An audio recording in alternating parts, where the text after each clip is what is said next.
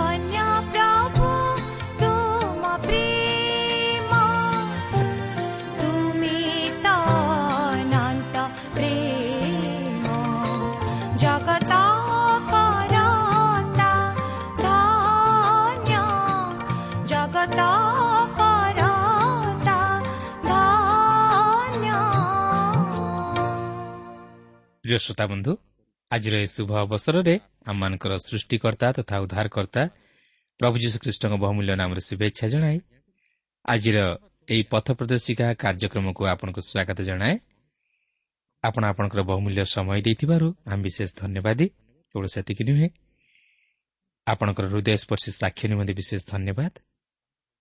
ଆପଣଙ୍କର ପ୍ରାର୍ଥନାର ଅନୁରୋଧ ରକ୍ଷା କରି ଆମେ ମଧ୍ୟ ଆପଣଙ୍କ ନିମନ୍ତେ ପ୍ରାର୍ଥନା କରୁଅଛୁ କେବଳ ସେତିକି ନୁହେଁ ଆପଣଙ୍କର ପରିବାର ନିମନ୍ତେ ମଧ୍ୟ ପ୍ରାର୍ଥନା କରୁଅଛୁ।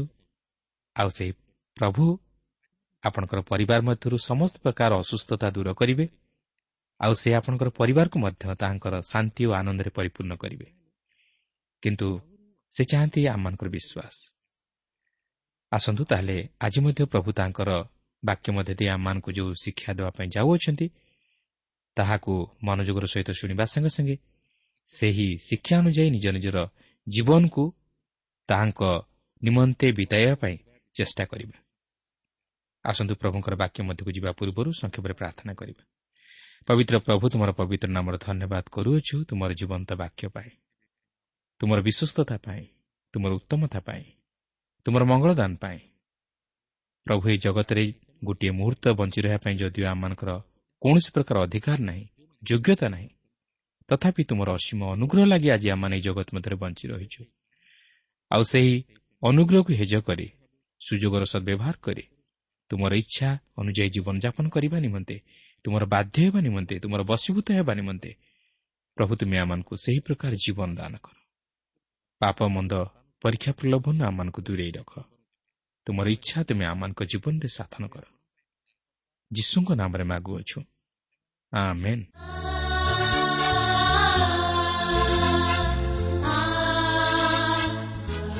ଆସନ୍ତୁ ବର୍ତ୍ତମାନ ଆମେ ପ୍ରଭୁଙ୍କର ବାକ୍ୟ ମଧ୍ୟକୁ ଯିବା।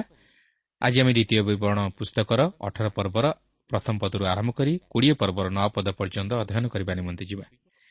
ତେବେ ଏଠାରେ ଆମେ ଯାଜକମାନଙ୍କର ଜୀବନ ଧାରଣ ଓ ସତ୍ୟ ଭାଓବାଦୀଙ୍କୁ ପରୀକ୍ଷା କରି ଜାଣିବା ନିମନ୍ତେ କିଛି ବ୍ୟବସ୍ଥା ଦିଆଯାଇଥିବାର ଆମେ ଲକ୍ଷ୍ୟ କରିବା ଯାହାକି ଈଶ୍ୱର ମୂଷାଙ୍କ ଦ୍ୱାରା ତାଙ୍କର ମନୋନୀତ ଜାତି ଇସ୍ରାଏଲ୍ର ନୂତନ ବଂଶଧରକୁ ପ୍ରଦାନ କରନ୍ତି ଯାହା ସେମାନେ ସେହି ପ୍ରତିଜ୍ଞାତ କିଣାନ୍ ଦେଶରେ ବସବାସ କରିବା ସମୟରେ ପାଳନ କରିବା ନିତାନ୍ତ ପ୍ରୟୋଜନ ଥିଲା। ସେମାନେ ଯେପରି ତଦନୁଯାୟୀ କାର୍ଯ୍ୟ କରି ସେହି ପ୍ରତିଜ୍ଞାତ ଦେଶରେ ଈଶ୍ୱରଙ୍କ ଆଶୀର୍ବାଦର ଅଧିକାରୀ ହୁଅନ୍ତି ଏଥିପାଇଁ ଈଶ୍ୱର ପୂର୍ବରୁ ସେମାନଙ୍କୁ ସତର୍କ କରାଇ ଦିଅନ୍ତି। ଏହି ପର୍ବରେ ଆଉ ଏକ ଚମତ୍କାର ଭାବବାଣୀ ଆମେ ପ୍ରଭୁ ଯୀଶୁଖ୍ରୀଷ୍ଟଙ୍କ ବିଷୟରେ ଲକ୍ଷ୍ୟ କରିବାକୁ ପାରୁ ଯେ କି ଏହି ଜଗତକୁ ଆଗମନ କରିବାକୁ ଥିଲା। ତେଣୁ ଏହି ପର୍ବରେ ଆମେ ପ୍ରଭୁ ଯୀଶୁଖ୍ରୀଷ୍ଟଙ୍କର ଏହି ଜଗତକୁ ଆଗମନ କରିବା ବିଷୟ ନେଇ ଭାବବାଣୀ ଦେଖିବାକୁ ପାରୁ। ପ୍ରଥମେ ଆମେ ଯାଜକମାନଙ୍କର ଜୀବନ ଧାରଣ ନିମନ୍ତେ ଈଶ୍ୱର ସେମାନଙ୍କୁ ଦେଇଥିବା ବ୍ୟବସ୍ଥା ସମ୍ପର୍କରେ କିଛି ଆଲୋଚନା କରିବା। ଅଠର ପର୍ବର ପ୍ରଥମ ଦୁଇ ପଦରେ ଏହିପରି ଲେଖା ଅଛି ଯାଜକମାନେ ଲେବିୟମାନେ ଓ ଲେବିର ସମସ୍ତ ବଂଶ ଇସ୍ରାଏଲ୍ ସଙ୍ଗରେ କୌଣସି ଅଂଶ କି ଅଧିକାର ପାଇବେ ନାହିଁ। ସେମାନେ ସଦାପ୍ରଭୁଙ୍କ ଅଗ୍ନିକୃତ ଉପହାର ଓ ତାହାଙ୍କର ଅଧିକୃତ ଦ୍ରବ୍ୟ ଭୋଗ କରିବେ। ପୁଣି ସେମାନେ ଆପଣା ଭ୍ରାତୃଗଣ ମଧ୍ୟରେ କୌଣସି ଅଧିକାର ପାଇବେ ନାହିଁ। ସଦାପ୍ରଭୁ ସେମାନଙ୍କ ପ୍ରତି ଉକ୍ତ ଆପଣା ବାକ୍ୟାନୁସାରେ ସେମାନଙ୍କର ଅଧିକାର।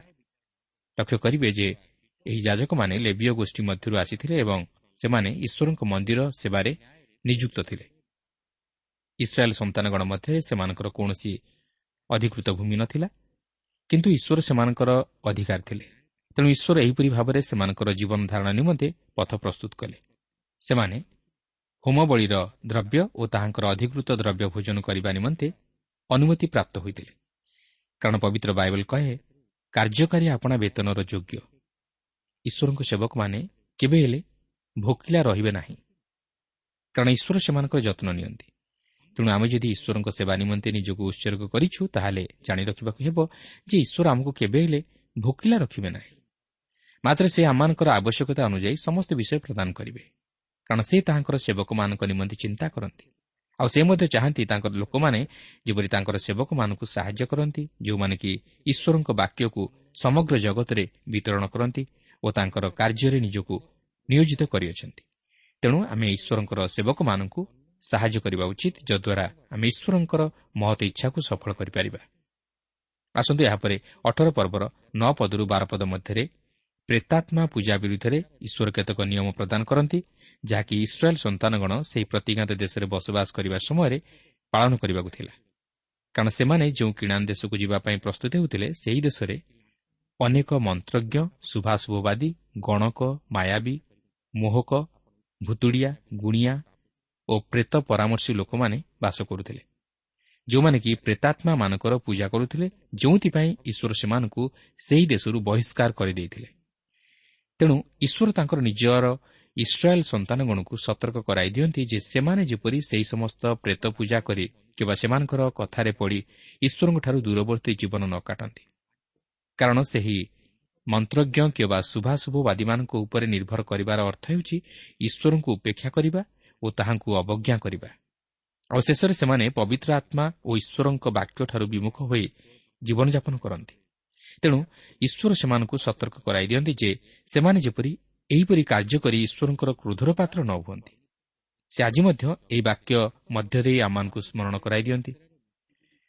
ତେବେ ଦେଖନ୍ତୁ ଅଠର ପର୍ବର ପନ୍ଦରରୁ ଉଣେଇଶ ପଦ ମଧ୍ୟରେ ଜଣେ ଭାଓବାଦୀଙ୍କର ଏହି ଜଗତକୁ ଆଗମନ କରିବା ନେଇ ଏକ ପ୍ରତିଜ୍ଞା ଈଶ୍ୱର କରନ୍ତି ଯାହାକି ପ୍ରଭୁ ଯୀଶୁଖ୍ରୀଷ୍ଟ ଏହି ଜଗତକୁ ଆଗମନ କରିବାରେ ସଫଳ ହେଲା। ତେବେ ଏଠାରେ ଈଶ୍ୱର ଏହି ଭାଓବାଦୀଙ୍କ ବିଷୟରେ ଭାଓବାଣୀ ପ୍ରକାଶ କରିବାର କାରଣ ହେଉଛି ଯେ ଇସ୍ରାଏଲ୍ ସନ୍ତାନଗଣ ଯେପରି ସେମାନଙ୍କର ଭାଓବାଦୀମାନଙ୍କର କଥା ଶୁଣନ୍ତି ଯେହେତୁ ସେହି ଭାଓବାଦୀମାନେ ସତ୍ୟ ପ୍ରକାଶ କରୁଥିଲେ କିନ୍ତୁ ଦ୍ୱିତୀୟ ବିଷୟଟି ଥିଲା ଯେ ସେମାନେ ଯେପରି ସେହି ପ୍ରଭୁ ଯୀଶୁଖ୍ରୀଷ୍ଟଙ୍କର ବା ସେହି ଶେଷ ଭାଓବାଦୀଙ୍କର କଥା ଶୁଣିବେ ସେଥିପାଇଁ ସେମାନଙ୍କୁ ପ୍ରସ୍ତୁତ କରୁଥିଲେ। ପ୍ରିୟ ବନ୍ଧୁ ଆପଣ ବୋଧହୁଏ ପ୍ରଶ୍ନ କରିପାରନ୍ତି ଯେ ଈଶ୍ୱର କାହିଁକି ସେହିପରି ଆଜି ନିଜକୁ ଜଗତ ନିକଟରେ ପ୍ରକାଶ କରୁନାହାନ୍ତି? ବନ୍ଧୁ ସେ ଯାହା ପ୍ରକାଶ କରିବା କଥା ତାହା ପ୍ରଭୁ ଯୀଶୁଖ୍ରୀଷ୍ଟଙ୍କ ଦ୍ୱାରା ପ୍ରକାଶ କରିସାରିଛନ୍ତି। ଆମ୍ଭେମାନେ ଯୀଶୁଖ୍ରୀଷ୍ଟଙ୍କର ବାକ୍ୟ ଶୁଣିବା ଉଚିତ ଓ ତାହାଙ୍କଠାରେ ବିଶ୍ୱାସ କରିବା ଉଚିତ। କାରଣ ଈଶ୍ୱର ତାହାଙ୍କ ମାଧ୍ୟମରେ ନିଜକୁ ପ୍ରକାଶ କରିସାରିଛନ୍ତି। ସେଥିପାଇଁ ଈଶ୍ୱର କହନ୍ତି ଏ ଆମ୍ଭର ପ୍ରିୟ ପୁତ୍ର ଏହାଙ୍କଠାରେ ଆମ୍ଭର ପରମ ସନ୍ତୋଷ ଏହାଙ୍କ ବାକ୍ୟ ଶ୍ରବଣ କର। ତେଣୁକରି ଆପଣ ଯୀଶୁଖ୍ରୀଷ୍ଟଙ୍କ ବାକ୍ୟ ଶୁଣନ୍ତୁ କାରଣ ସେ ହେଉଛନ୍ତି ମନୁଷ୍ୟ ପ୍ରତି ଈଶ୍ୱରଙ୍କ ଶେଷ ଭାବବାଣୀ ଓ ସେ ହେଉଛନ୍ତି ଈଶ୍ୱରଙ୍କ ଅନୁରୂପ। ଯେଉଁମାନେ ସେହି ଯୀଶୁଖ୍ରୀଷ୍ଟଙ୍କଠାରେ ବିଶ୍ୱାସ କରି ତାହାଙ୍କ ବାକ୍ୟ ଶ୍ରବଣ କରିବେ ସେମାନେ ସେହି ସତ୍ୟ ଈଶ୍ୱରଙ୍କର ପରିଚୟ ପାଇବେ। କାରଣ ଈଶ୍ୱର ଖ୍ରୀଷ୍ଟଙ୍କଠାରେ ନିଜକୁ ପ୍ରକାଶ କଲେ ଓ ଯୀଶୁଖ୍ରୀଷ୍ଟ ନିଜେ ଈଶ୍ୱରଙ୍କୁ ଏହି ଜଗତ ନିକଟରେ ପ୍ରକାଶ କଲେ ଓ ସେହି ଯୀଶୁଖ୍ରୀଷ୍ଟ ନିଜେ ହିଁ ବାକ୍ୟ ରୂପୀ ଈଶ୍ୱର ଥିଲେ। ସେ ଜଗତ ନିକଟରେ ସତ୍ୟ ପ୍ରକାଶ କଲେ। ତାହା ହିଁ ଈଶ୍ୱର ମୂଷାଙ୍କ ଦ୍ୱାରା ଇସ୍ରାଏଲ୍ ନିକଟରେ ପ୍ରକାଶ କରନ୍ତି। କାରଣ ଦ୍ୱିତୀୟ ବିବରଣ ଅଠର ପର୍ବର ଅଠର ପଦରେ ଲେଖା ଅଛି ଆମେ ସେମାନଙ୍କ ନିମନ୍ତେ ସେମାନଙ୍କ ଭ୍ରାତୃଗଣ ମଧ୍ୟରୁ ତୁମ୍ଭ ସଦୃଶ ଜଣେ ଭବିଷ୍ୟତ ବକ୍ତା ଉତ୍ପନ୍ନ କରିବା ଓ ଆମ୍ଭେ ତାହାଙ୍କ ମୁଖରେ ଆପଣା ବାକ୍ୟ ଦେବା ଓ ଆମ୍ଭେ ତାହାଙ୍କୁ ଯେ ଯେ ଆଜ୍ଞା ଦେବା ତାହା ସେ ସେମାନଙ୍କୁ କହିବେ। ଦେଖନ୍ତୁ ଈଶ୍ୱର ଏହିପରି ଭାବେ ସେମାନଙ୍କୁ ଯୀଶୁଖ୍ରୀଷ୍ଟଙ୍କ ଆଗମନ ବିଷୟରେ ପୂର୍ବରୁ ଜଣାଇ ଦେଇଥିଲେ ଯେପରି ସେମାନେ ଦୂରରୁ ତାହା ଦେଖି ବିଶ୍ୱାସର ସହିତ ତାହା ଶ୍ରବଣ କରି ପ୍ରତିଘାତ ଫଳ ପ୍ରାପ୍ତ ହୁଅନ୍ତି। ଏହା ହିଁ ଥିଲା ଈଶ୍ୱରଙ୍କର ଅଭିମତ। ଯୀଶୁ ମଧ୍ୟ ନିଜେ କହନ୍ତି ଯେ ସେ ଯାହା କହନ୍ତି ତାହା ସେ ନିଜରୁ କିଛି କହନ୍ତି ନାହିଁ ମାତ୍ର ପିତା ଯେ ପ୍ରକାର କହନ୍ତି ସେ ତାହା ପ୍ରକାଶ କରନ୍ତି। ସେ ମଧ୍ୟ କହନ୍ତି ମୁଁ ମୋର ଇଚ୍ଛା ସଫଳ କରିବାକୁ ଆସିନାହିଁ। ମାତ୍ର ପିତାଙ୍କ ଇଚ୍ଛା ସଫଳ କରିବାକୁ ଆସିଅଛି ଯାହାକି ଆପଣ ଜୋହନ ପାଞ୍ଚ ପର୍ବର ତିରିଶ ପଦରେ ଓ ଛଅ ପର୍ବ ମଧ୍ୟରେ ଦେଖିବାକୁ ପାରିବେ। ଏପରିକି ଜୋହନ ସତର ପର୍ବରେ ସେ ପିତାଙ୍କ ନିକଟରେ ଏହିପରି ପ୍ରାର୍ଥନା କରନ୍ତି ତୁମ୍ଭେ ମୋତେ ଯେଉଁ କର୍ମ କରିବାକୁ ଦେଇଅଛ ତାହା ମୁଁ ସମାପ୍ତ କରି ପୃଥିବୀରେ ତୁମ୍ଭକୁ ମହିମାନିତ କରିଅଛି। କାରଣ ତୁମ୍ଭେ ମୋତେ ଯେ ସମସ୍ତ ବାକ୍ୟ ଦାନ କଲ ମୁଁ ସେମାନଙ୍କୁ ସେହିସବୁ ଦାନ କରିଅଛି। ତେଣୁକରି ଆମେ ଦେଖୁଛୁ ଯେ ଈଶ୍ୱର ଇସ୍ରାଏଲ୍ ଲୋକମାନଙ୍କୁ ସେମାନଙ୍କର ଭାଓବାଦୀମାନଙ୍କର ବାକ୍ୟର ବାଧ୍ୟ ହେବାକୁ କହନ୍ତି ଯଦ୍ୱାରା ସେମାନେ ଗଣକ ଶୁଭାଶୁଭବାଦୀ ବା ମନ୍ତ୍ରଜ୍ଞମାନଙ୍କର ଶିକ୍ଷାରେ ପରିଚାଳିତ ନ ହୋଇ ଈଶ୍ୱରଙ୍କ ବାକ୍ୟର ବଶୀଭୂତ ହେବେ। କାରଣ ଈଶ୍ୱର ଭାଓବାଦୀମାନଙ୍କ ଦ୍ୱାରା ତାଙ୍କର ବାକ୍ୟ ପ୍ରକାଶ କରିଥିଲେ।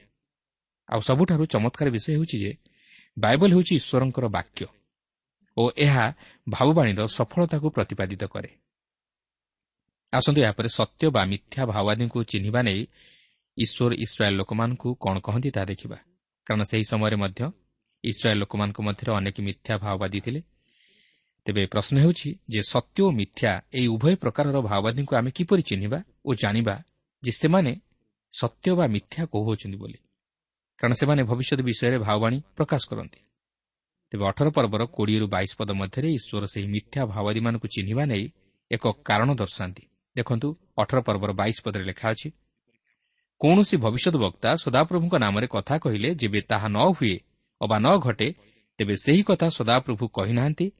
ସେ ଭବିଷ୍ୟତ ବକ୍ତା ଦୁଃସାହସରେ ତାହା କହିଅଛି ତୁମେ ତାହାକୁ ଭୟ କରିବ ନାହିଁ। ଏହାର ପ୍ରକୃତ ଅର୍ଥ ହେଉଛି ଯେ ସେହି ଭାଓବାଦୀଙ୍କୁ ସ୍ଥାନୀୟ ପରିସ୍ଥିତି ନେଇ ଭାଓବାଣୀ ପ୍ରକାଶ କରିବାକୁ ଥିଲା ଯାହାକି ତାହା ସେହି ସମୟରେ ଘଟିବାକୁ ଥିବ ଏବଂ ଏହା ସମ୍ପୂର୍ଣ୍ଣ ସତ୍ୟ ହୋଇଥିବ। ଓ ସେହି ଘଟଣା ସହିତ ମିଶୁଥିବ। ତାହେଲେ ସେହି ମାଓବାଦୀ ଯେ ସତ୍ୟ ମାଓବାଦୀ ଏହା ପ୍ରମାଣିତ ହେବ। ମାତ୍ର ଯଦି ତାହା ସଫଳ ନ ହୁଏ ତାହେଲେ ସେ ଯେ ମିଥ୍ୟା ମାଓବାଦୀ ତାହା ପ୍ରମାଣିତ ହେବ। ଉଦାହରଣ ସ୍ୱରୂପ ଜିସାୟ ମାଓବାଦୀଙ୍କ ବିଷୟ ଯଦି ଆମେ ଦେଖିବା ତାହେଲେ ଜାଣିପାରିବା ଯେ ଲୋକମାନେ ଜିସାୟ ମାଓବାଦୀଙ୍କ ବାକ୍ୟକୁ ବିଶ୍ୱାସ କରିବାର କାରଣ କ'ଣ ଥିଲା। କାରଣ ସେଥି ନିମନ୍ତେ ତାହାଙ୍କୁ ଗୋଟିଏ ପରୀକ୍ଷାର ମଧ୍ୟ ସମ୍ମୁଖୀନ ହେବାକୁ ଥିଲା। ରାଜା ହିଜକିୟଙ୍କ ସମୟରେ ଯେତେବେଳେ ଅସୁରୀୟମାନେ ଜିରୁସାଲାମ ନଗରର ଚତୁଃପାର୍ଶ୍ୱରେ ଥିଲେ ଓ ଏହି ନଗରକୁ ଅଧିକାର କରିବାକୁ ବସିଥିଲେ ସେତେବେଳେ ଜିସାଏ ଭବିଷ୍ୟତ ବକ୍ତା ଏହି ଭାବଣୀ ପ୍ରକାଶ କରିଥିଲେ ଯେ ଅସୁରୀୟମାନଙ୍କର ଗୋଟିଏ ତୀର ମଧ୍ୟ ଏହି ନଗର ମଧ୍ୟରେ ପ୍ରବେଶ କରିବ ନାହିଁ। ଆଉ ତାହା ହିଁ ସେହି ସମୟରେ ସଫଳ ହେଲା। ସେମାନଙ୍କର ଗୋଟିଏ ତୀର ନଗରକୁ ସ୍ପର୍ଶ କଲା ନାହିଁ। ଓ ଜିସା ଭାଓବାଦୀ ଯେ ଜଣେ ସତ୍ୟ ଭାଓବାଦୀ ତାହା ପ୍ରମାଣିତ ହେଲା। କିନ୍ତୁ ବର୍ତ୍ତମାନ ସେହିପରି ମିଥ୍ୟା ମାଓବାଦୀମାନଙ୍କ ବିଷୟ ନେଇ କୌଣସି ସତର୍କବାଣୀ ଦିଆଯାଏ ନାହିଁ କାହିଁକି ଜାଣନ୍ତି ଯେହେତୁ ଆଉ କୌଣସି ଭାବବାଣୀ ପ୍ରକାଶିତ ହେବାକୁ ବାକି ନାହିଁ ପ୍ରତ୍ୟେକ ବିଷୟ ଯୀଶୁଖ୍ରୀଷ୍ଟଙ୍କ ଦ୍ୱାରା ପ୍ରକାଶିତ ହୋଇଅଛି। ବର୍ତ୍ତମାନ ଆମକୁ ମିଥ୍ୟା ଭାବାଦୀମାନଙ୍କ ବିଷୟରେ ସତର୍କବାଣୀ ଦିଆଯାଏ ନାହିଁ ମାତ୍ର ମିଥ୍ୟା ଶିକ୍ଷକଙ୍କ ବିରୁଦ୍ଧରେ ସତର୍କବାଣୀ ଦିଆଯାଏ। ଦେଖନ୍ତୁ ଦ୍ୱିତୀୟ ପିତର ଦୁଇ ପର୍ବର ପ୍ରଥମ ପଦରେ ଲେଖା ଅଛି କିନ୍ତୁ ଲୋକମାନଙ୍କ ମଧ୍ୟରେ ଭଣ୍ଡ ଭାଓବାଦୀମାନେ ମଧ୍ୟ ଉତ୍ପନ୍ନ ହେଲେ। ସେହିପରି ତୁମାନଙ୍କ ମଧ୍ୟରେ ସୁଦ୍ଧା ଭଣ୍ଡ ଶିକ୍ଷକମାନେ ଉତ୍ପନ୍ନ ହେବେ। ତେଣୁ ବର୍ତ୍ତମାନ ଆମମାନଙ୍କ ନିମନ୍ତେ ସତର୍କବାଣୀ ହେଉଛି ଆମେ ଯେପରି ଯତ୍ନ ସହକାରେ ଈଶ୍ୱରଙ୍କ ବାକ୍ୟ ପ୍ରତି ଧ୍ୟାନ ଦେଉ ଓ ଭଣ୍ଡ ଶିକ୍ଷକମାନଙ୍କର ଶିକ୍ଷାରେ ପରିଚାଳିତ ନ ହେଉ। ତେଣୁକରି ପ୍ରିୟ ବନ୍ଧୁ ଈଶ୍ୱରଙ୍କ ବାକ୍ୟ ହେଉଛି ସତ୍ୟ ଓ ଜୀବନ୍ତ। ଏହା ପରୀକ୍ଷା ସିଦ୍ଧ ଓ ପ୍ରମାଣ ସିଦ୍ଧ। କିନ୍ତୁ ଆଜି ଆମେ ଈଶ୍ୱରଙ୍କ ବାକ୍ୟ ଉପରେ କେତେ ଦୂର ଗୁରୁତ୍ୱ ଦେଉ? ଆମେ ଈଶ୍ୱରଙ୍କ ବାକ୍ୟରେ କେତେ ଦୂର ମନୋଯୋଗୀ ଅଟୁ। କିନ୍ତୁ ଆମେ ଜାଣି ରଖିବା ଉଚିତ ଯେ ବାଇବଲ ହେଉଛି ଈଶ୍ୱରଙ୍କ ମୁଖ ନିଗରତ ବାକ୍ୟ ଓ ଏହା ସତ୍ୟ ବାକ୍ୟ। ଯାହାକୁ ଅଧ୍ୟୟନ କରିବା ଦ୍ୱାରା ଆମେ ସେହି ସତ୍ୟ ଜ୍ଞାତ ହେବା ଓ ସେହି ସତ୍ୟ ଆମମାନଙ୍କୁ ଉଦ୍ଧାର କରିବ। ଆସନ୍ତୁ ଏହାପରେ ଉଣେଇଶ ପର୍ବ ମଧ୍ୟକୁ ଯିବା। ଏହି ଉଣେଇଶ ପର୍ବରେ ଇସ୍ରାଏଲ୍ ଲୋକମାନଙ୍କ ନିମନ୍ତେ ଆଶ୍ରୟ ନଗର ସେମାନଙ୍କର ଭୂମିର ସୁରକ୍ଷା ଓ ବ୍ୟବସ୍ଥାର କଠୋରତା ନେଇ ଈଶ୍ୱର କିପରି ପୁନର୍ବାର ସେମାନଙ୍କୁ କେତେକ ନିୟମ ପ୍ରଦାନ କରୁଅଛନ୍ତି ଯାହାକି ସେମାନେ ସେହି ଦେଶରେ ବାସ କରିବା ସମୟରେ ତାହା ପାଳନ କରିବା ଦ୍ୱାରା ନିରାପଦରେ ବାସ କରିବାକୁ ଥିଲା। ତାହା ହିଁ ଆମେ ଏହି ଅଂଶରେ ଲକ୍ଷ୍ୟ କରିବା। ଆସନ୍ତୁ ବର୍ତ୍ତମାନ ପ୍ରଥମେ ସେହି ଆଶ୍ରୟ ନଗର ବିଷୟରେ ଲକ୍ଷ୍ୟ କରିବା। ତେବେ ଗଣନା ପୁସ୍ତକର ପଞ୍ଚତିରିଶ ପର୍ବରେ ଆମେ ପାଠ କରି ଦେଖିଛୁ ଯେ ଇସ୍ରାଏଲ୍ ଲୋକମାନେ ଯେତେବେଳେ ସେହି କିଣା ଦେଶରେ ଯାଇ ବାସ କରିବେ ସେତେବେଳେ ଲେବିୟମାନେ ଜର୍ଦ୍ଦନ ନଦୀର ପୂର୍ବ ପାରିରେ ତିନୋଟି ଆଶ୍ରୟ ନଗର ଓ ଜର୍ଦ୍ଦନ ନଦୀର ପଶ୍ଚିମ ପାର୍ଶ୍ୱରେ ଆଉ ତିନୋଟି ଆଶ୍ରୟ ନଗର ତୋଳିବେ ବୋଲି ଈଶ୍ୱର ଆଜ୍ଞା ଦେଇଥିଲେ। ଯଦ୍ୱାରା ଅଜ୍ଞାତ ସାରରେ ଦୋଷ କରିଥିବା ଜଣେ ଦୋଷୀ ସେହି ଆଶ୍ରୟ ନଗରକୁ ଦୌଡ଼ି ଯାଇ ତହିଁରେ ପ୍ରବେଶ କରିବା ଦ୍ୱାରା ସେ ରକ୍ଷା ପାଇପାରିବ। କିନ୍ତୁ ଜ୍ଞାତସାରରେ ବା ଜାଣିଶୁଣି ଦୋଷ କରିଥିବା ବ୍ୟକ୍ତି ନୁହେଁ। ଏହି ଆଶ୍ରୟ ନଗର ଜଣେ ନିରୀହ ବ୍ୟକ୍ତିକୁ ସୁରକ୍ଷା ଦେବା ନିମନ୍ତେ ଈଶ୍ୱର ଯୋଜନା ପ୍ରସ୍ତୁତ କରିଥିଲେ ଯେ କି ଭୁଲବଶତଃ ଜଣେ ବ୍ୟକ୍ତିକୁ ମାରିଦେବା ଦ୍ୱାରା ପଳାଇ ଯାଇ ସେହି ନଗରରେ ଆଶ୍ରୟ ନେଲେ ରକ୍ଷା ପାଇପାରିବ। ଯେପର୍ଯ୍ୟନ୍ତ ତାହାର ଉପଯୁକ୍ତ ବିଚାର ନ ହୋଇଛି। କିନ୍ତୁ ଯେ ଜାଣିଶୁଣି ବା ଯୋଜନାବଦ୍ଧ ଭାବେ ଜଣେ ଲୋକକୁ ବଦ୍ଧ କରେ ସେ କେବେ ହେଲେ ରକ୍ଷା ପାଇପାରିବ ନାହିଁ। ଏହା ଈଶ୍ୱର ଅତି ପରିଷ୍କାର ଭାବେ ଉଣେଇଶ ପର୍ବର ଦୁଇ ପଦରୁ ବାର ପଦ ମଧ୍ୟରେ ଜଣାଇ ଦେଇଛନ୍ତି। ତେବେ ଏହାର ଆତ୍ମିକ ତାତ୍ପର୍ଯ୍ୟ ହେଉଛି ଯେ ସେହି ପ୍ରଭୁ ଯୀଶୁଖ୍ରୀଷ୍ଟ ହେଉଛନ୍ତି ଆମର ଆଶ୍ରୟ ନଗର ଯାହାଙ୍କ ନିକଟରେ ଶରଣ ନେଲେ ଓ ଆମର ପାପ ସ୍ୱୀକାର କଲେ ଆମେ ଉଦ୍ଧାର ପାଇବା। କାରଣ ଈଶ୍ୱର ଖ୍ରୀଷ୍ଟଙ୍କ ମଧ୍ୟ ଦେଇ ସେହି ଉଦ୍ଧାର କାର୍ଯ୍ୟ ସାଧନ କରିଅଛନ୍ତି। ପ୍ରିୟ ବନ୍ଧୁ ଆମେ ଯଦି ପ୍ରଭୁ ଯୀଶୁଙ୍କ ନିକଟକୁ ଯିବା ଓ ତାହାଙ୍କଠାରେ ଆଶ୍ରୟ ନେବା ତାହେଲେ ସେ ଆମମାନଙ୍କୁ ଉଦ୍ଧାର କରିବେ କାରଣ ସେ ହିଁ ଏକମାତ୍ର ଆମମାନଙ୍କର ଆଶ୍ରୟ ନଗର। ଆସନ୍ତୁ ଏହାପରେ ଜମିର ସୁରକ୍ଷା ନେଇ ଉଣେଇଶ ପର୍ବର ଚଉଦ ପଦରେ ଈଶ୍ୱର ଯାହା ପ୍ରକାଶ କରନ୍ତି ତାହା ଲକ୍ଷ୍ୟ କରିବା। ଈଶ୍ୱର କହନ୍ତି ଯେ ସେମାନେ ଯେପରି ସେହି ପ୍ରତିଜ୍ଞାତ ଦେଶରେ ବାସ କରିବା ସମୟରେ ସେମାନଙ୍କର ଭୂମିର ସୀମା ଚିହ୍ନ ନ ଘୁଚାନ୍ତି। କାରଣ ଏହି ସୀମା ଚିହ୍ନ ଈଶ୍ୱରଙ୍କ ଦ୍ୱାରା ପୂର୍ବରୁ ନିରୂପିତ ହୋଇଥିଲା ଓ ଏହି ଇସ୍ରାଏଲ୍ ସନ୍ତାନଗଣ ଯେପରି ସେମାନଙ୍କର ଭୂମିର ସୀମା ଅତିକ୍ରମ ନ କରନ୍ତି ଏଥିନିମନ୍ତେ ଈଶ୍ୱର ପୂର୍ବରୁ ସତର୍କ କରାଇ ଦେଇଥିଲେ ଯଦ୍ୱାରା ସେମାନେ ସେମାନଙ୍କର ନିରୂପିତ ସୀମା ମଧ୍ୟରେ ବାସ କରିପାରିବେ। ତେଣୁ ଏଠାରେ ଆମେ ଦେଖୁଛୁ ଯେ ଈଶ୍ୱର ଆମମାନଙ୍କର ଭୂମି ତଥା ଜମିର ମଧ୍ୟ ସୀମା ନିରୂପଣ କରନ୍ତି। ସେ ଆମ୍ଭମାନଙ୍କ କ୍ଷେତ୍ରର ମଧ୍ୟ ଯତ୍ନ ନିଅନ୍ତି। ଆସନ୍ତୁ ଏହାପରେ ଉଣେଇଶ ପର୍ବର ପନ୍ଦର ପଦରୁ କୋଡ଼ିଏ ପଦ ମଧ୍ୟରେ ଈଶ୍ୱର କିପରି ଜଣେ ଅପରାଧୀର ବିଚାର ତିନି ଜଣ ସାକ୍ଷୀଙ୍କ ଦ୍ୱାରା ସ୍ଥିରୀକୃତ କରନ୍ତି ତାହା ଲକ୍ଷ୍ୟ କରିବା। ସେ କହନ୍ତି ଏକ ସାକ୍ଷୀରେ ବିଚାର ନିଷ୍ପତ୍ତି କରିବା ଠିକ୍ ନୁହେଁ ମାତ୍ର ତିନି ସାକ୍ଷୀରେ ତାହା ସ୍ଥିରୀକୃତ ହେବା ଉଚିତ। ଯାହାଫଳରେ ମନ୍ଦତା ଓ ଦୁଷ୍ଟତା ଇସ୍ରାଏଲ୍ ଜାତି ମଧ୍ୟରୁ ଦୂର ହୋଇପାରିବ ତେଣୁକରି ଉଣେଇଶ ପର୍ବର ଏକୋଇଶ ପଦରେ ଏହିପରି ଲେଖା ଅଛି ତୁମର ଚକ୍ଷୁ ଦୟା କରିବ ନାହିଁ। ପ୍ରାଣ ପରିଶୋଧରେ ପ୍ରାଣ ଚକ୍ଷୁ ପରିଶୋଧରେ ଚକ୍ଷୁ ଦନ୍ତ ପରିଶୋଧରେ ଦନ୍ତ ହସ୍ତ ପରିଶୋଧରେ ହସ୍ତ ପାଦ ପରିଶୋଧରେ ପାଦ ନିଆଯିବ। ଲକ୍ଷ୍ୟ କରିବେ ଏହା ହିଁ ହେଉଛି ବ୍ୟବସ୍ଥାର କଠୋରତା କାରଣ ବ୍ୟବସ୍ଥାରେ କୌଣସି ଦୟା ନାହିଁ। କିନ୍ତୁ ପ୍ରଭୁଙ୍କ ନାମର ଧନ୍ୟବାଦ ହେଉ ଯେ ପ୍ରଭୁ ମୋତେ ଆଜି ତାହାଙ୍କର ବ୍ୟବସ୍ଥା ଅନୁଯାୟୀ ବିଚାରିତ ହେବାକୁ ଦେଇନାହାନ୍ତି। ସେ ମୋତେ ଆଜି ତାହାଙ୍କର ଅନୁଗ୍ରହ ଦ୍ୱାରା ଉଦ୍ଧାର କରିଅଛନ୍ତି। ଯଦି ସେ ତାଙ୍କର ବ୍ୟବସ୍ଥା ଅନୁଯାୟୀ ମୋର ବିଚାର କରିଥାନ୍ତେ ତାହେଲେ ମୁଁ ବିନଷ୍ଟ ହୋଇଯାଇଥାନ୍ତି। ଯେହେତୁ ବ୍ୟବସ୍ଥା ଅନୁଯାୟୀ ମୁଁ ସମସ୍ତ ଧର୍ମକର୍ମ ସାଧନ କରିପାରିନଥାନ୍ତି। ମାତ୍ର ସେହି ପ୍ରଭୁ ଯୀଶୁଖ୍ରୀଷ୍ଟ ବ୍ୟବସ୍ଥା ଅନୁଯାୟୀ ସମସ୍ତ ଧର୍ମକର୍ମ ସାଧନ କରି ଆଜି ସମଗ୍ର ମାନବ ଜାତିର ଉଦ୍ଧାର ନିମନ୍ତେ ପ୍ରାୟଶ୍ଚିତ ବଳିସ୍ୱରୂପ ହୋଇ ତାଙ୍କର ପବିତ୍ର ରକ୍ତ କୃଷରେ ଝରାଇଥିବାରୁ ଆଜି ମୁଁ ଓ ଆପଣ ବିନଷ୍ଟ ନ ହୋଇ ରକ୍ଷାପ୍ରାପ୍ତ ହୋଇଅଛୁ ଓ ପାପରୁ ଉଦ୍ଧାର ପାଇବାର ପଥ ପାଇଅଛୁ। ଆସନ୍ତୁ ବର୍ତ୍ତମାନ ଆମେ କୋଡ଼ିଏ ପର୍ବ ମଧ୍ୟକୁ ଯିବା। ଏଠାରେ ଆପଣଙ୍କୁ ସ୍ମରଣ କରାଇ ଦେବାକୁ ଚାହେଁ ଯେ ବର୍ତ୍ତମାନ ଆମେ ଏକ ଜାତୀୟ ନୀତି ନିୟମ ମଧ୍ୟକୁ ଯାଉଅଛୁ ଯାହାକି ସେହି ସମୟରେ ଇସ୍ରାଏଲ୍ ଲୋକମାନଙ୍କ ମଧ୍ୟରେ ଯୁଦ୍ଧ ପରିଚାଳନା କରିବା ନିମନ୍ତେ ବିଶେଷ ଆବଶ୍ୟକ ଥିଲା। ସେମାନେ ସେହି ନିୟମ ଅନୁସାରେ ଯୁଦ୍ଧ କରିବାକୁ ଯାଉଥିଲେ। କାରଣ ଈଶ୍ୱର ଚାହିଁଥିଲେ ଯେ ତାଙ୍କ ଲୋକମାନେ ଯେପରି ତାଙ୍କୁ ଚିହ୍ନନ୍ତୁ ଓ ତାଙ୍କଠାରେ ନିର୍ଭର କରନ୍ତୁ। ଦେଖନ୍ତୁ କୋଡ଼ିଏ ପର୍ବର ପ୍ରଥମ ପଦରେ ଲେଖା ଅଛି ତୁମ୍ଭେ ଆପଣ ଶତ୍ରୁମାନଙ୍କ ପ୍ରତିକୂଳରେ ଯୁଦ୍ଧ କରିବାକୁ ବାହାରିଲେ। ଯେବେ ଆପଣ ଅପେକ୍ଷା ଅଧିକ ଅଶ୍ୱ ଓ ରଥ ଓ ଲୋକ ଦେଖିବ ତେବେ ତୁମ୍ଭେ ସେମାନଙ୍କ ବିଷୟରେ ଭୀତ ହେବ ନାହିଁ। କାରଣ ଯେ ତୁମକୁ ମିଶ୍ର ଦେଶରୁ ଆଣିଅଛନ୍ତି ସେହି ସଦାପ୍ରଭୁ ତୁମ ପରମେଶ୍ୱର ତୁମ ସଙ୍ଗରେ ଅଛନ୍ତି। ପ୍ରିୟ ବନ୍ଧୁ ଏହି କଳୁଷିତ ଜଗତରେ ଆମେ ବସବାସ କରୁଅଛୁ ଯେଉଁଠାରେ କି ମନୁଷ୍ୟର ହୃଦୟ ସମ୍ପୂର୍ଣ୍ଣ ପାପରେ ପରିପୂର୍ଣ୍ଣ। ଯେକୌଣସି ସମୟରେ ଆମେ ଯୁଦ୍ଧର ସମ୍ମୁଖୀନ ହୋଇପାରୁ ମାତ୍ର ସେଥିନିମନ୍ତେ ଆମକୁ ପ୍ରସ୍ତୁତ ରହିବାକୁ ହେବ। ଶାରୀରିକ ଭାବରେ ହେଉ ବା ମାନସିକ ଭାବରେ ହେଉ ଆମକୁ ଯୁଦ୍ଧର ସମ୍ମୁଖୀନ ହେବାକୁ ପଡ଼ିବ। କାରଣ ଏହି ଜଗତର ଶୈତାନିକ ଶକ୍ତି ଅନ୍ଧକାରର ଶକ୍ତି ସହିତ ଆମକୁ ଯୁଦ୍ଧ କରିବାକୁ ହିଁ ପଡ଼ିବ। ନଚେତ୍ ଆମେ ନିଜର ଇନ୍ଦ୍ରିୟଗୁଡ଼ିକର କାମନା ତଥା ଲାଳସାକୁ ଆୟତ୍ତାଧୀନ କରିପାରିବା ନାହିଁ। ତେଣୁ ଆମକୁ ଶୈତାନ ବିରୁଦ୍ଧରେ ଯୁଦ୍ଧ କରି ତାହାକୁ ପରାସ୍ତ କରିବାକୁ ହେବ। କିନ୍ତୁ ପ୍ରଶ୍ନ ହେଉଛି ଯେ ଏହି ଯୁଦ୍ଧରେ କ'ଣ ଈଶ୍ୱର ଆମ ସହିତ ରହି ଯୁଦ୍ଧ କରୁଅଛନ୍ତି? ସେ କ'ଣ ଆମ ସହିତ ଅଛନ୍ତି? ଈଶ୍ୱର ଯଦିଓ ସେଦିନ ଇସ୍ରାଏଲିୟମାନଙ୍କୁ ଶାରୀରିକ ଭାବେ ଯୁଦ୍ଧ କରିବା ନିମନ୍ତେ ପ୍ରସ୍ତୁତ କରାଇଥିଲେ ମାତ୍ର ତହିଁ ସଙ୍ଗେ ସଙ୍ଗେ ସେମାନଙ୍କୁ ଆତ୍ମିକ ଯୁଦ୍ଧ ନିମନ୍ତେ ପ୍ରସ୍ତୁତ କରିଥିଲେ ଯଦ୍ୱାରା ସେମାନେ ଈଶ୍ୱରଙ୍କୁ ପରିତ୍ୟାଗ କରି ଶୟତାନର ଫାନ୍ଦରେ ନ ପଡ଼ନ୍ତି ମାତ୍ର ଈଶ୍ୱରଙ୍କ ଉପରେ ନିର୍ଭର କରି ଆତ୍ମିକ ଜୀବନରେ ବଳିଷ୍ଠ ହୁଅନ୍ତି। ଆସନ୍ତୁ ଏହାପରେ ଦେଖିବା ଯେ ଏହି ଯୁଦ୍ଧ କରିବା ନେଇ ଚାରୋଟି ସର୍ତ୍ତ ରଖାଯାଇଅଛି ଯାହାକି ଜଣେ ଲୋକକୁ ଯୁଦ୍ଧ କରିବାରୁ ବଞ୍ଚିତ କରେ। ଦ୍ୱିତୀୟ ବିବରଣ କୋଡ଼ିଏ ପର୍ବର ପାଞ୍ଚ ପଦରେ ଆମେ ଦେଖୁ ଯେ ଯଦି ଜଣେ ଲୋକ ନୂତନ ଗୃହ ନିର୍ମାଣ କରି ତହିଁରେ ବାସ କରିବା ନିମନ୍ତେ ସୁଯୋଗ ପାଇନଥାଏ ତାହେଲେ ସେହି ଲୋକ ଯୁଦ୍ଧ କରିବାରୁ ବଞ୍ଚିତ ହେଉଥିଲା ଯେହେତୁ ତାହାର ମନ ବାସ୍ତବରେ ସେହି ନୂତନ ଗୃହରେ ଥିବ। ତେଣୁକରି ତାହାକୁ ଯୁଦ୍ଧକୁ ପଠାଯାଉନଥିଲା ମାତ୍ର ସେହି ନୂତନ ଗୃହରେ ବାସ କରିବା ନିମନ୍ତେ ତାହାକୁ ସୁଯୋଗ ଦିଆଯାଉଥିଲା। ଏହା ଥିଲା ପ୍ରଥମ ସର୍ତ୍ତ। ଏହାପରେ କୋଡ଼ିଏ ପର୍ବର ଛଅ ପଦରେ ଦ୍ୱିତୀୟ ସର୍ତ୍ତଟି ହେଉଛି ଯେ ଯଦି କୌଣସି ଲୋକ ଦ୍ରାକ୍ଷାକ୍ଷେତ୍ର ପ୍ରସ୍ତୁତ କରି ତହିଁର ଫଳ ଭୋଗ କରି ନଥାଏ ତାହେଲେ ସେ ମଧ୍ୟ ଯୁଦ୍ଧ କରିବାକୁ ଯାଇପାରୁନଥିଲା କାରଣ ତାହାର ମନ ଯୁଦ୍ଧରେ ନଥିବ ମାତ୍ର ସେହି ଦ୍ରାକ୍ଷା ଫଳରେ ଥିବ। ତେଣୁ ସେ ଯେପରି ଯୁଦ୍ଧକୁ ଯାଇ ଅପ୍ରସ୍ତୁତ ଅବସ୍ଥାରେ ନ ମରେ ଓ ତା'ର ଦ୍ରାକ୍ଷାଫଳ ଯେପରି ଅନ୍ୟ ଜଣେ ଉପଭୋଗ ନ କରେ ଏଥିନିମନ୍ତେ ତାହାକୁ ଯୁଦ୍ଧକୁ ପଠାଯାଉନଥିଲା। ତୃତୀୟ ସର୍ତ୍ତଟି ହେଉଛି ଯାହାକି କୋଡ଼ିଏ ପର୍ବର ସାତ ପଦରେ ଆମେ ଲକ୍ଷ୍ୟ କରୁ ଯେ ଜଣେ ଲୋକ ଜଣେ ସ୍ତ୍ରୀ ସହିତ ବାଗଦାନ କରିବା ପରେ ଯଦି ତାହାକୁ ବିବାହ କରିନାହିଁ ତାହେଲେ ସେ ଯୁଦ୍ଧ କରିବାକୁ ଯାଇପାରୁନଥିଲା। ଯେହେତୁ ତାହାର ମନ ସେହି ସ୍ତ୍ରୀଠାରେ ଆସକ୍ତ ରହିବ ଓ ସେ ଯୁଦ୍ଧ କରିବାକୁ ଗଲେ ତାହାର ମନ ଯୁଦ୍ଧ କରିବାରେ ରହିବ ନାହିଁ। ଫଳତଃ ସେ ମଲେ ତାହାର ସ୍ତ୍ରୀକୁ ଯେପରି ଅନ୍ୟ କେହି ବିବାହ ନ କରେ ଏଥିପାଇଁ ସେହି ଲୋକକୁ ଯୁଦ୍ଧକୁ ପଠାଯାଉନଥିଲା। ଏହାପରେ ଚତୁର୍ଥ ସର୍ତ୍ତଟି ହେଉଛି କୋଡ଼ିଏ ପର୍ବର ଆଠ ପଦରେ ଆମେ ଲକ୍ଷ୍ୟ କରୁ ଯେ ଯେଉଁ ଲୋକ ଭୟାଳୁ ଓ ଦୁର୍ବଳ ସେ ଯୁଦ୍ଧ କରିବାକୁ ଯାଇପାରୁନଥିଲା। କାରଣ ତାକୁ ଦେଖି ଅନ୍ୟମାନେ ଯେପରି ଭୟ ଓ ଦୁର୍ବଳ ନ ହୁଅନ୍ତି ଏଥିପାଇଁ ତାହାକୁ ପଠାଯାଉନଥିଲା। ତେବେ ଏହି ଚାରୋଟି କାରଣରୁ ଜଣେ ଲୋକ ଯେକୌଣସି ଗୋଟିକରେ ସମ୍ପୃକ୍ତ ଥାଏ ତାହେଲେ ସେ ଯୁଦ୍ଧ କରିବା ନିମନ୍ତେ ଯାଇପାରୁନଥିଲା। କିନ୍ତୁ ଏହି ଚାରୋଟି ଯାକ ସର୍ତ୍ତ ମଧ୍ୟରୁ ମୁଁ ଗୋଟିଏ ସର୍ତ୍ତ ଆପଣଙ୍କ ସମ୍ମୁଖରେ ଉପସ୍ଥାପିତ କରିବାକୁ ଚାହେଁ ତାହା ହେଉଛି ଚତୁର୍ଥ ସର୍ତ୍ତ।